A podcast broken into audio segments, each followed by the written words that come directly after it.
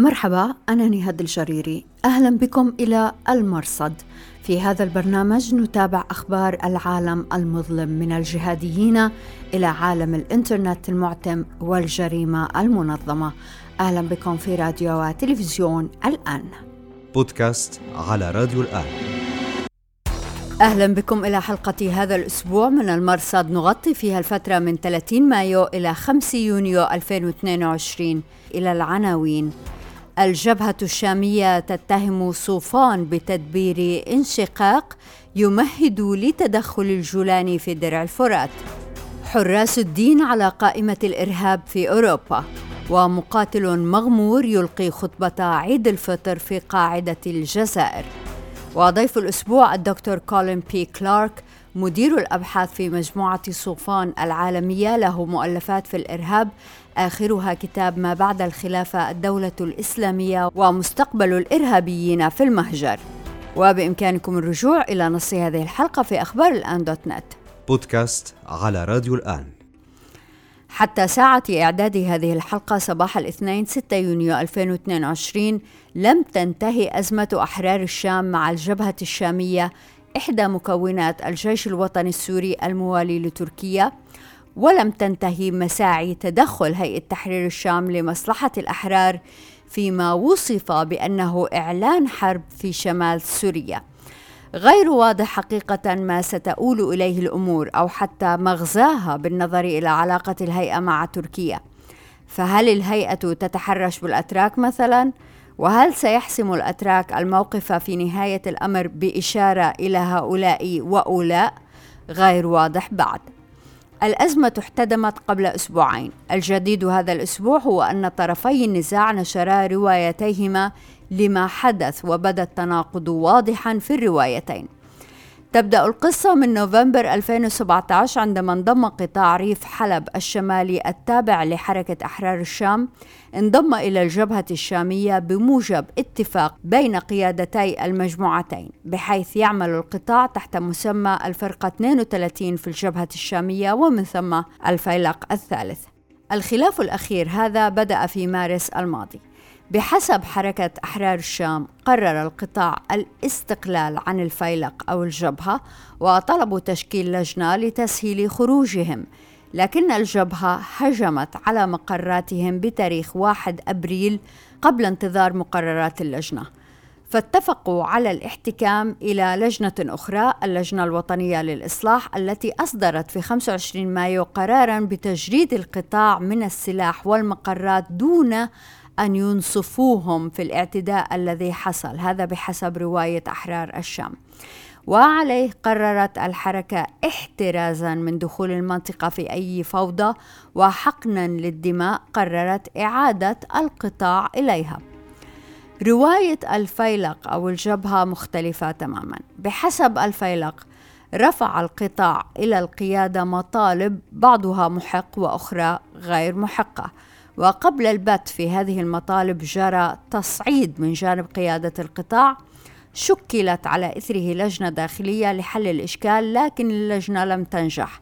فبحسب الفيلق تعدى الأمر هذه المطالب إلى محاولة انشقاق رتب لها مسبقا. يلفت الفيلق في بيانه التوضيحي إلى أن قيادة القطاع التي صعدت الموقف كانت على تواصل مع حسن صوفان القيادي في حركة أحرار الشام الذي زين لهم خطوة الانشقاق وشجعهم عليها. وتزعم الجبهة أن القطاع هو من بدأ المواجهة المسلحة في أبريل وعندها تدخلت اللجنة الوطنية للإصلاح. يخلص بيان الفيلق إلى رفض الانشقاق فمن يريد الخروج عليه تبرئة ذمته من الفيلق. وبخلاف بيان حركة أحرار الشام ذكر بيان الفيلق قوات هيئة تحرير الشام التي احتشدت لمساندة المجموعة المشقة من أحرار الشام. وكيف أن الفيلق وفصائل الجيش الوطني تصدوا لهذا الحشد. البيان ذكر أيضا بأن صوفان الموالي للجولاني زعيم الهيئة قاد تمردا داخل الحركة أواخر 2020 أفضى إلى عزل الزعيم السابق جابر علي باشا وتعيين عامر الشيخ بدلا منه. كان ذلك مقدمة لتأسيس مجلس عسكري موحد تقوده الهيئة بدعم من صوفان ويسيطر على كل المكونات العسكرية في إدلب ومحيطها وربما إلى ما وراء المحيط. بودكاست على راديو الآن. نشر تنظيم داعش العدد 341 من صحيفته الأسبوعية النبأ ليلة الخميس 2 يونيو. لم تعلق الصحيفة على أي من الأنباء المتعلقة بحال التنظيم قتل أبي حمزة القرشي المتحدث السابق في جرابلس وليس في أطمة. واعتقال تركيا قياديا تعتقد أنه جمعة عواد البدري بوصفه الخليفة أبي الحسن الهاشمي القرشي. لكن لفتت افتتاحية العدد بعنوان حقيقة الابتلاء بالجهاد والتي نقرأ فيها مواساة للأنصار بأن الابتلاء يميز الخبيث من الطيب. في مواجهة ما وصفته بحملات تشويه يتعرض لها التنظيم. بودكاست على راديو الآن. أصدر فريق الدعم التحليلي ورصد الجزاءات التابع لمجلس الأمن الدولي تقريرا بتاريخ 25 مايو 2022 يتعلق بحالة طالبان في أفغانستان. خلص التقرير إلى نتائج تتعلق بحكم طالبان وأخرى تتعلق بعلاقة الجماعة مع القاعدة وداعش. أما داخليا فيقول التقرير أن طالبان تحابي البشتون على حساب أعراق أخرى في أفغانستان مثل التاجيك والأزبك كما يشير إلى خلافات مركبة بين فريق حقاني ممثلا بسراج الدين حقاني وزير الداخلية وفريق الملا بردار نائب رئيس الوزراء ومهندس اتفاق الدوحة. هذا من جهة. من جهة أخرى ثمة خلاف بين حقاني ووزير الدفاع الملا يعقوب ابن الملا عمر مجاهد الطامح إلى تولي الزعامة أسوة بأبيه مؤسس الجماعة. أما عن القاعدة فيقول التقرير إن العلاقة بين طالبان والقاعدة وثيقة وأن القاعدة لا تزال تحظى بملاذ آمن في أفغانستان خاصة عن طريق شبكة حقاني. ويرشح التقرير أن زعيم القاعدة أيمن الظواهري لا يزال في أفغانستان. وبخصوص داعش يذهب التقرير إلى أن طالبان أضعف من أن تتصدى لخطر داعش. يقول وإن كانت طالبان قوية بما يكفي لفرض نفسها في معظم أنحاء البلاد فإنها لا تستطيع السيطرة عليها بالكامل. يعول تنظيم داعش على قدرته على الصمود في وجه حملة طالبان ضده حتى يظل متجذرا في الأرض الأفغانية. فقد تجد طالبان صعوبة في طردهم وعلى عكس السلطات الأفغانية السابقة مع حلفائها. في منظمة حلف شمال الأطلسي لا تملك طالبان أي قدرة جوية عملية ولا يمكنها توفير غطاء جوي للقيام بعمليات برية ضد التنظيم. طالبان رفضوا التقرير وأكدوا ألا علاقة لهم بأي جماعة. بودكاست على راديو الآن.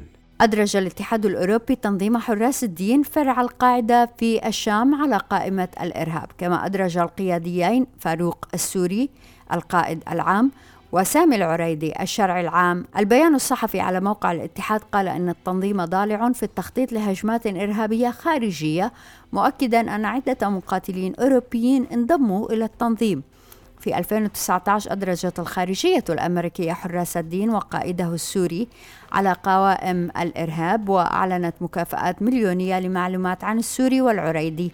وغير واضح حقيقة لماذا قرر الأوروبيون الآن إدراج التنظيم خاصة بالنظر إلى تردي أحواله بعد انقضاض هيئة تحرير الشام في صيف 2020 وملاحقة قيادته بالسجن والقتل. بودكاست على راديو الآن. بعد شهر على انقضاء شهر رمضان المبارك نشرت مؤسسة الأندلس الذراع الإعلامية لتنظيم القاعدة في المغرب الإسلامي خطبة عيد الفطر. ألقاها مقاتل شاب غير معروف اسمه حمزة أبو المعتصم. أهم ما في الخطبة أن أشاد الخطيب بطالبان واعتبر أن تراجع المجاهدين في الشام قابله تمكين طالبان في أفغانستان.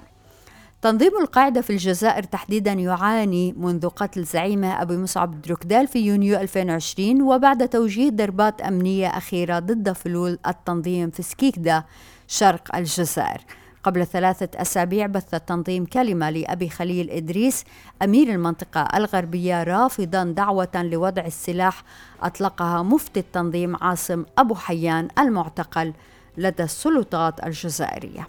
بودكاست على راديو الآن. أهلا بكم دائما في راديو وتلفزيون. الآن نرحب هذا الأسبوع بالدكتور كولين بي كلارك مدير الأبحاث في مجموعة صوفان العالمية. له مؤلفات في الإرهاب آخرها كتاب ما بعد الخلافة الدولة الإسلامية ومستقبل الإرهابيين في المهجر. شكرا جزيلا لوجودك معنا دكتور كلارك. Thanks for having me.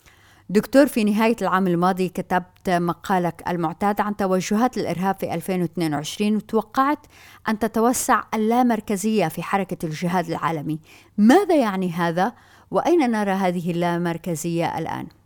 Sure. Yeah, well, I think it's um, in line with trends we've been seeing. I, I would mark back to maybe 2019. يقول الدكتور كلارك يتوافق هذا مع نمط يعود إلى العام 2019 تقريبا عندما فقد داعش آخر مناطقه في الباغوز وما حولها في مارس 2019 تحديدا.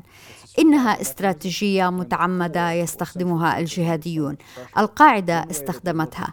إنها آلية البقاء. عندما يتعرض المركز لضغوط شديدة يصبح مخرجهم لمواصلة عملياتهم ونشر دعايتهم ورفع معنوياتهم والتجنيد هو التوسع لجماعات موالية. باراك مندلسون صديقي وباحث في القاعدة ألف كتابا بعنوان القاعدة الامتياز التجاري. بحث في الجماعات الموالية لها حول العالم. وداعش يستنسخ هذه التجربة. فنرى تصاعد عدد الجماعات جنوب الصحراء الإفريقية في الكونغو وموزمبيق وفي الساحل حيث نشاط كثيف ومتزايد. وفي جنوب آسيا توسع داعش خراسان مع الانسحاب الأمريكي. وصعد هجماته ضد طالبان هذه الجماعات تسعى وراء الفراغ الأمني كالذي حدث بالانسحاب الأمريكي. فهم كما الحيوانات المفترسة تقتنص فريستها وتمزق جيفتها. الإرهابيون ينظرون للدول كذلك يقتنصون الدول الضعيفة والفاشلة والمساحات غير المحكومة والحروب الأهلية حيث يتسللون فيها ويلتصقون بأحد الأطراف المتقاتلة. الأمر الذي يغير ديناميكية الصراع أحيانا. هذه استراتيجية متعمدة يتبعها داعش. يتمددون أو ينحسرون وقد يتمكنون من الحكم. ثمة ديناميكية مثيرة للاهتمام في مصر مثلا ولاية سيناء تشهد نشاطا متزايدا منذ شهرين بعد خمول ملحوظ وثمة عوامل ومتغيرات مختلفة تؤثر في هذه الأنشطة Um.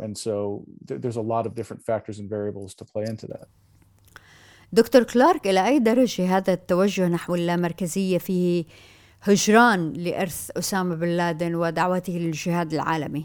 Yeah, in some ways it is, right? And and the reason why we're seeing decentralization is because these groups are focusing more on what they call يقول الدكتور كلارك هذا صحيح إلى حد ما سبب اللامركزية هو تركيز هذه الجماعات على ما يسمونه العدو القريب وليس العدو البعيد نرى عودة لهذا المفهوم في المجتمعات المحلية فهناك صراع محلي وخصومة محلية وامتعاض محلي فلا يستثمرون مصادرهم في مواجهة الغرب كما دعا بن لادن لمواجهة أمريكا وإسرائيل وغيرهما.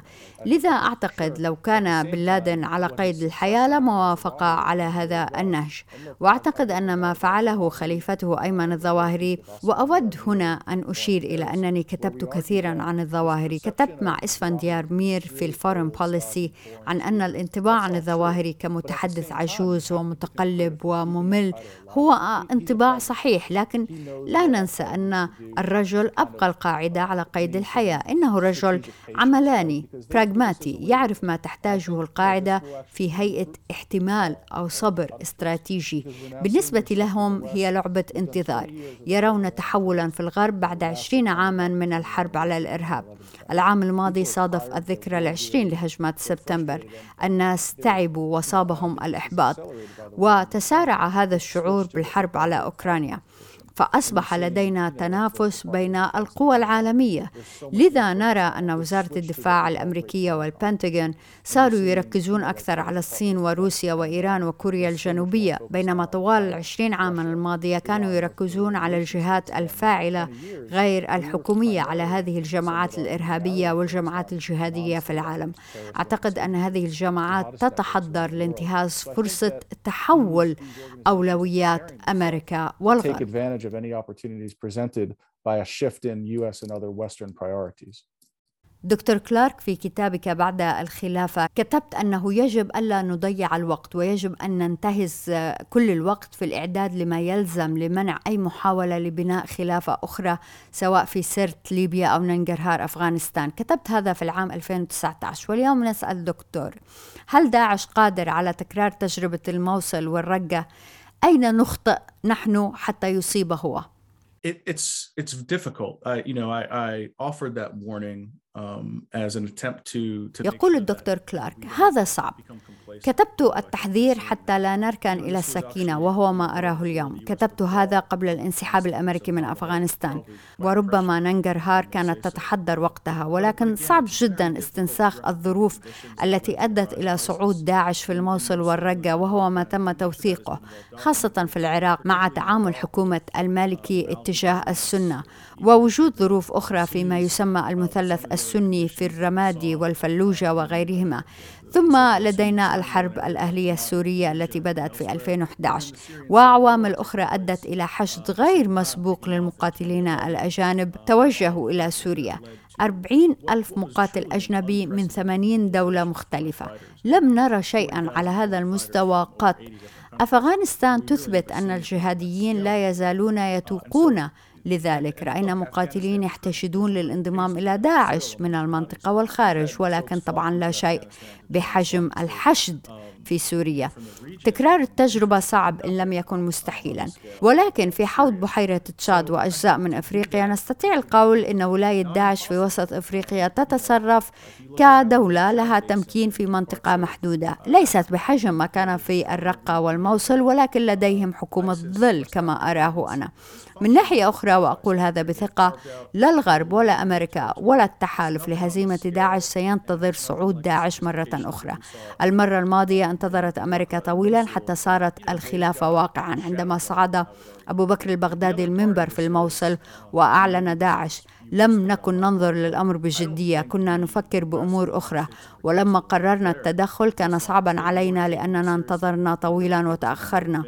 داعش أسسوا نموذج دولة لها تمويلها ولها آلتها الحربية سفكت دماء وصرفت ثروات لتفكيك تلك الدولة وآمل ألا نغض الطرف مرة أخرى بما يسمح بتكرار ما حدث to to finally dismantle that state. So I don't think we will be as complacent again to allow that to happen. I hope not. دكتور كلارك هذا كلام مهم جدا. فداعش ليس قويا حقيقة هو يقتات على ضعفنا. كتبت حضرتك كثيرا عن تمويل داعش وثروة داعش التي تجاوزت في فترة من الفترات 6 آه، مليار دولار.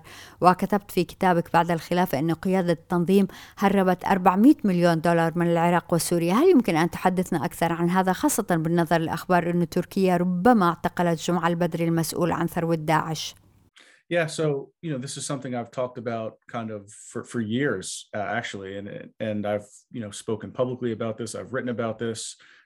يقول الدكتور كلارك أتحدث عن هذا منذ سنوات. تحدثت عنه علنا وكتبت عنه محاولا دق ناقوس الخطر وسأعيد ما قلته. أظن أن هذا منبعه انطباعنا بعد هجمات سبتمبر حول طبيعة المأوى الذي يتخذه الجهاديون ولأننا نتعامل مع القاعدة في أفغانستان. رأينا نحن وصناع القرار الأمريكيين والمسؤولين والاستخبارات في أمريكا أن أفغانستان تمثل نموذج دولة فاشلة تستغلها جماعات إرهابية كمأوى. لكن الحقيقة أن دولة مثل تركيا تعتبر أكثر فائدة لهذه الجماعات. لا أقصد طبعا أن أقول أن تركيا في 2022 تشبه أفغانستان في 2001 بالعكس. ولكن الحقيقة أنهما تختلفان في نواح وتتشابهان في نواحي أخرى. واضح أن داعش اتخذ في تركيا خلايا نائمة تقدم دعما لوجستيا وماليا. تركيا متصلة مع شبكة الاتصالات والمواصلات العالمية بما يسمح بنشاط مالي غير قانوني بحيث يخبئ الإرهابيون أموالهم على مرأى من الجميع. وكلما زاد حجم المبالغ المنقولة سهل إخفاؤها. في أفغانستان يستخدمون الحوالة وينقلون أموال أموالا إلى باكستان فيسهل تقصي ذلك. لكن تركيا دولة متقدمة ولها اقتصاد متقدم كما أن لتركيا همومها الاقتصادية ما يوفر فرصة لداعش للتسلل إلى الناس فيغامر بقبول النقد واستثماره في شركات وهمية ومجالات أخرى. وهذا ليس امرا جديدا. ما نراه اليوم هو نتيجة تخطيط آه، قام به داعش منذ 2014 2015 أدركوا حاجاتهم لأشخاص في تركيا يؤسسون هذه الشبكات لأنه عندما تدخلت أمريكا وغيرها احتاجوا إلى مكان آخر يقيمون بيوتا آمنة ويغسلون الأموال ويتعاملون مع رجال أعمال يغضون الطرف ولا يطرحون أسئلة عن مصدر المبالغ الضخمة التي يتم ضخها. وجدوا ضالتهم وها هم يحصدون الفوائد. Where these large infusions of cash came from. And they found those. They're now reaping that benefit. دكتور كلارك واضح أنه أنصار التنظيم وولاياته المزعومة فقيرة. ماذا يعني لهم أنه قيادتهم تحتكم على ملايين الدولارات وهم فقراء في هذه الحال you know this is something we've seen historically with a lot of terrorist groups. It's actually يقول الدكتور كلارك رأينا هذا تاريخيا في جماعات إرهابية أخرى والحقيقة أنه يشكل بداية النهاية أو يشي بانشقاقات القيادة تعيش في رخاء وتعتاد على مستوى من وفرة العيش لكن هذا لا ينطبق على آخرين من الصفوف القيادية المتوسطة والجنود في المستويات الدنيا. ثم نرى انشقاقا فبينما يعيش هؤلاء في إسطنبول مرتاحين نرى آخرين يقاتلون في بادية الشام ضد أعداء من كل الجهات نظام الأسد والأكراد والتحالف الدولي. أعتقد أنه على التحالف لهزيمة داعش أن يستغل هذا الأمر. يجب أن يستغلوا هذا لصالحهم. فيقولون هؤلاء القادة لا يكترثون لكم لدرجة أنهم يعيشون في رخاء وما إلى ذلك. ونرى ثمة تصدعات اليوم. لكن السؤال هل يظل الغرب وغيرهم متيقظين لاستغلال ذلك؟ السؤال الآخر يتعلق بتركيا. فبالرغم من الفرصة المتاحة للإرهابيين فيها. تتمتع تركيا بقوة أمنية قديرة. تستطيع تركيا الانقضاض على داعش إن أرادت وربما هذا ما حدث في هذه العملية المشار إليها التي جاءت نتيجة أشهر من المراقبة. لو وجهوا هذه الموارد تجاه داعش فلا شك أنهم سينقضون على هذه الشبكات. المشكلة هي أن تركيا منهمكة بمقاتلة الأكراد وليس داعش خاصة أن داعش لا يهاجمون تركيا مباشرة. وهذا ليس حصرا بتركيا فعندما استضافت أمريكا أعضاء في الجيش الأيرلندي الجمهوري كان البريطانيون يطلبون من السلطات الأمريكية أن يلاحقوا هؤلاء لكن هؤلاء لم يهاجموا أمريكا فلم يكونوا أولوية لدى أمريكا فكان دائما ثمة خطر أكبر attacking the United States. And so they were less of a priority, right? There were bigger fish to fry, so to speak. دكتور كلارك في 2019 كتبت في ال Foreign Policy Research Institute عن دلالات موت حمزة بن لادن وأنه غير واضح من سيخلف الظواهري وقلت أنه من دون شخصية كاريزماتية تخلف الظواهر قد يطغى على القاعدة المركزية أحد الفروع في شمال إفريقيا أو جزيرة العرب وهذا كلام مهم حقيقة الآن مع تأكيد قتل حمزة من هو المرشح لخلافة الظواهر هل سيف العدل هو المرشح المناسب بالنظر إلى أنه يعيش في إيران؟ In Iran.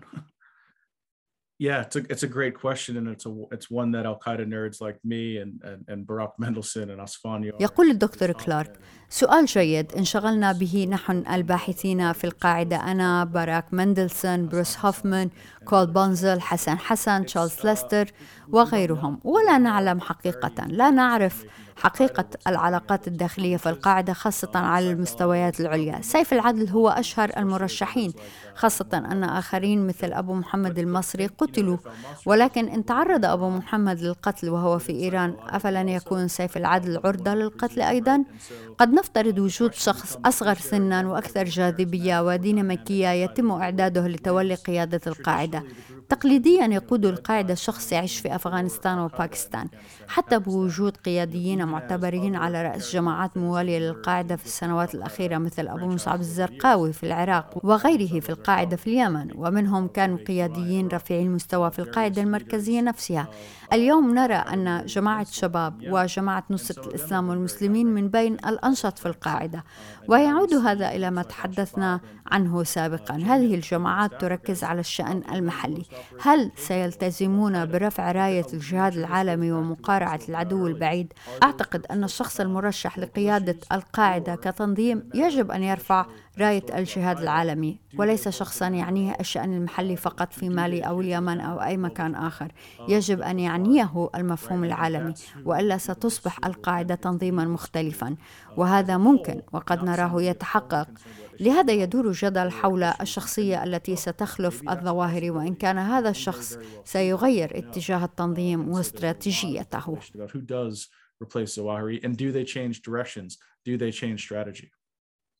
الدكتور كولين بي كلارك مدير الأبحاث في مجموعة الصفان العالمية شكرا جزيلا لك. It's been my pleasure. Thank you so much for having me.